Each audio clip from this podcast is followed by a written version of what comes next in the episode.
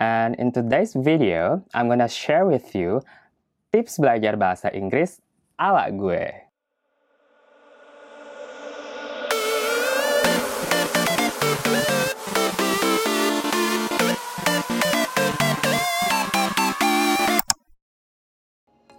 Halo warga beringgris, welcome back to Beringgris Ria Channel. Sebelumnya, seperti biasa, gue pengen ngucapin terima kasih banyak buat para warga Beringgris Ria yang udah subscribe channel ini. You know, your support means a lot to this channel. And in today's video, I'm gonna share with you tips belajar bahasa Inggris ala gue. Nah, biasanya setelah seseorang menemukan purpose atau tujuan yang jelas, kenapa seseorang tersebut harus bisa ngomong bahasa Inggris atau pengen bisa ngomong bahasa Inggris, biasanya seseorang tersebut bakalan cukup excited buat memulai belajar bahasa Inggris. Gitu. Tapi kadang di awal-awal bakalan cukup kewalahan atau mungkin kebingungan belajar bahasa Inggris harus mulai dari mana gitu. Karena mungkin terlalu overthinking tentang grammar, pronunciation, vocabulary, dan juga mungkin tenses yang tentu saja hal-hal tersebut sudah kita pelajarin dari sekolah dasar gitu ya. Nah, in this video, I'm gonna give you a few tips that you could do daily in your life in order to be fluent in English. And just disclaimer that these tips are things that I personally implement in my life to improve my English better. And I think for the past one or two years, I could see that my level of English has gone up a lot. And before we get to the video, don't forget to like and subscribe to this channel if you haven't subscribed already. And don't forget to hit the notification bell button so you can always get notified whenever I upload new video. And yeah, without any further ado, let's get started. Tips yang pertama adalah find your purpose. Nah, I see there are a lot of videos on YouTube about cara cepat belajar bahasa Inggris. And the truth is, there is no such a thing belajar cepat bahasa Inggris unless lu konsisten dan juga ada effort buat mempelajarinya gitu. Karena guys, trust me, kalau kita ngomongin belajar suatu bahasa, seseorang tersebut nggak bakalan bisa suatu bahasa kecuali karena dua hal. Yang pertama, terpaksa karena keadaan. Dan yang kedua, karena sukarela. Terpaksa karena keadaan maksudnya gimana? Nah, misalnya gini, suatu saat tiba-tiba lo dipindahin ke suatu negara yang menggunakan bahasa Inggris. Otomatis, mau nggak mau, lo mesti pakai bahasa Inggris dong, gunain bahasa Inggris tersebut gitu, biar lo survive tinggal di negara tersebut gitu. Nah hal yang kedua, lo secara sukarela gitu mempelajarinya. Nah gimana cara munculin secara sukarela ini gitu. Makanya penting di awal-awal seperti yang udah gue bilang, kita mesti nemuin tujuan yang jelas kenapa lo pengen banget bisa ngomong bahasa Inggris gitu. Dalam case-nya gue, kenapa gue pengen banget bisa ngomong bahasa Inggris adalah karena simple sebenarnya. Karena dari kecil gue pengen banget traveling around the world gitu. Cheesy sih sebenarnya agak alay. Gue pengen banget naik pesawat gitu. Nah, meskipun dalam perjalanannya gue banyak nemuin kesusahan gitu dalam belajar bahasa Inggris, kayak misalnya gue nggak ngerti grammar, nggak punya kosakata bahasa Inggris yang banyak gitu, dan pronunciation bahasa Inggris juga gue nggak tahu, tapi gue tetap senang-senang aja gitu dalam mempelajarinya. Ya karena itu tadi, gue ada tujuan yang jelas. Ketika gue suatu saat nanti bisa bahasa Inggris, gue bakalan pakai bahasa tersebut buat jalan-jalan ke luar negeri gitu. Dan gue bisa naik pesawat gitu. Jadi, case-nya sama dengan kalian. Kalian yang pertama, sebelum mulai belajar bahasa Inggris, tanyain dulu ke diri kalian, sebenarnya apa sih tujuan atau goals kalian pengen bisa ngomong bahasa Inggris. Tips yang kedua adalah build your vocabulary bank and phrases. Nah, tahapan selanjutnya ketika lo udah punya purpose atau tujuan yang jelas, kenapa lo pengen bisa ngomong bahasa Inggris adalah lo mesti ngumpulin kosakata bahasa Inggris dan juga frasa-frasa bahasa Inggris. Tahapan ini menurut gue adalah paling penting gitu.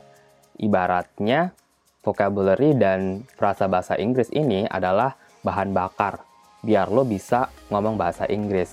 Ya lo pikir aja, gimana caranya lo bisa ngomong bahasa Inggris kalau lo nggak punya kata-kata yang bakalan diucapin gitu. Nggak apa-apa banget kalau misalnya di awal-awal lo cuman bisa satu, dua, atau tiga kata bahasa Inggris, tapi lo belum bisa nih gabungin kata-kata tersebut menjadi kalimat gitu. Misalnya, lo pengen ngucapin permisi dalam bahasa Inggris, lo sebenarnya tahu nih kata-katanya, tapi lo nggak bisa gabungin menjadi kalimat yang benar gitu. Misalnya, permisi itu excuse me, terus toilet ya toilet, di mana itu where. Lo tinggal gabungin aja, excuse me, toilet, where. Nah, kayak gitu udah nggak apa-apa banget. Even lo ngomongnya sama native speaker atau bule gitu. Karena hal itu udah cukup banget untuk komunikasi dasar gitu. Selama orang yang lo ajak komunikasi itu paham dan ngerti gitu. Apa yang lo tanyain, kayak gitu nggak masalah. Namanya juga baru belajar, it doesn't matter gitu. Selain ngumpulin vocabulary, penting juga lo ngumpulin frasa-frasa bahasa Inggris gitu. Karena menurut gue, frasa bahasa Inggris adalah cara instan buat kita bisa bahasa Inggris gitu. Buat kita kayak sound like more native speaker gitu. Terdengar lebih kayak native speaker gitu. Atau penutur asli gitu. Dan just for your information, gue udah bikin video tentang 10 frasa bahasa Inggris yang bisa lo gunain ala native speaker. Kalau misalnya lo belum nonton videonya, lo tinggal tonton aja, ada di playlist YouTube ini. Tips yang ke Tiga adalah make sentence and questions from your vocabulary. Nah, tadi kan lo udah ngapalin tuh kosakata bahasa Inggris dan juga frasa-frasa bahasa Inggris. Tentu lo nggak pengen dong ngomong cuma sekata, dua kata, terbata-bata kayak anak kecil gitu. Nah dari sini kita mulai belajar yang namanya grammar. Banyak orang yang bilang grammar itu nggak penting dalam bahasa Inggris. Tapi menurut gue, grammar itu penting, tapi bukan segalanya. Nah, kalau kita ibaratkan bahasa Inggris adalah suatu bangunan, maka vocabulary adalah batu batanya. Sedangkan grammar adalah semennya, semen yang mengikat batu bata tersebut. Jadi, kalau misalnya lo pengen bahasa Inggris lo sempurna layaknya suatu bangunan, ya lo mesti pelajarin keduanya. Well, maybe di awal-awal lo bakalan salah-salah dalam penggunaan grammar. Tapi ya itu nggak apa-apa banget karena masih awal dan masih baru belajar gitu. Sama halnya dengan gue, gue juga pertama belajar bahasa Inggris, gue nggak bisa bedain tuh antara penggunaan past simple, simple past tense, dan present perfect tense. Ya, yeah, I think it takes a lot of trial and error gitu, to get your sentences and questions perfectly right. Ya nggak apa-apa, namanya juga belajar gitu kan. Semakin banyak trial and error, semakin banyak percobaan, maka kita bakalan tahu mana yang benar dan mana yang salah gitu dari grammar yang kita gunain tersebut. Tips yang keempat adalah imitate and copy what you see and what you hear from the native speaker. Nah, menurut gue ini sih salah satu cara yang powerful banget buat ningkatin skill berbahasa Inggris lo. Karena dengan lo mengcopy cara bule atau cara native speaker ngomong bahasa Inggris, lo juga sekaligus belajar gimana native speaker itu berekspresi dan mimik muka mereka ketika ngomong bahasa Inggris. Terus biasanya gue menirukannya gitu secara keras-keras. Cara gampangnya kalau gue dengan nonton film-film berbahasa Inggris. Terus gue coba mengcopy apa yang mereka omongin. Gue copy ulang, gue ucapin keras-keras. Dan ya bahkan kayak di awal-awal gue dianggap orang gila kali gitu sama orang tua gue. Tapi ya nggak apa-apa banget, itu kan adalah effort kita gitu buat bisa ngomong bahasa Inggris. Dan menurut gue ya nggak masalah banget. Jadi mulai dari sekarang, lo cobain deh copy gimana native speaker ngomong, terus lo ucapin ulang deh secara keras-keras. Dan menurut gue sih itu fix ampuh banget sih buat ningkatin skill berbahasa Inggris lo. Cara yang kelima adalah talking to myself in English.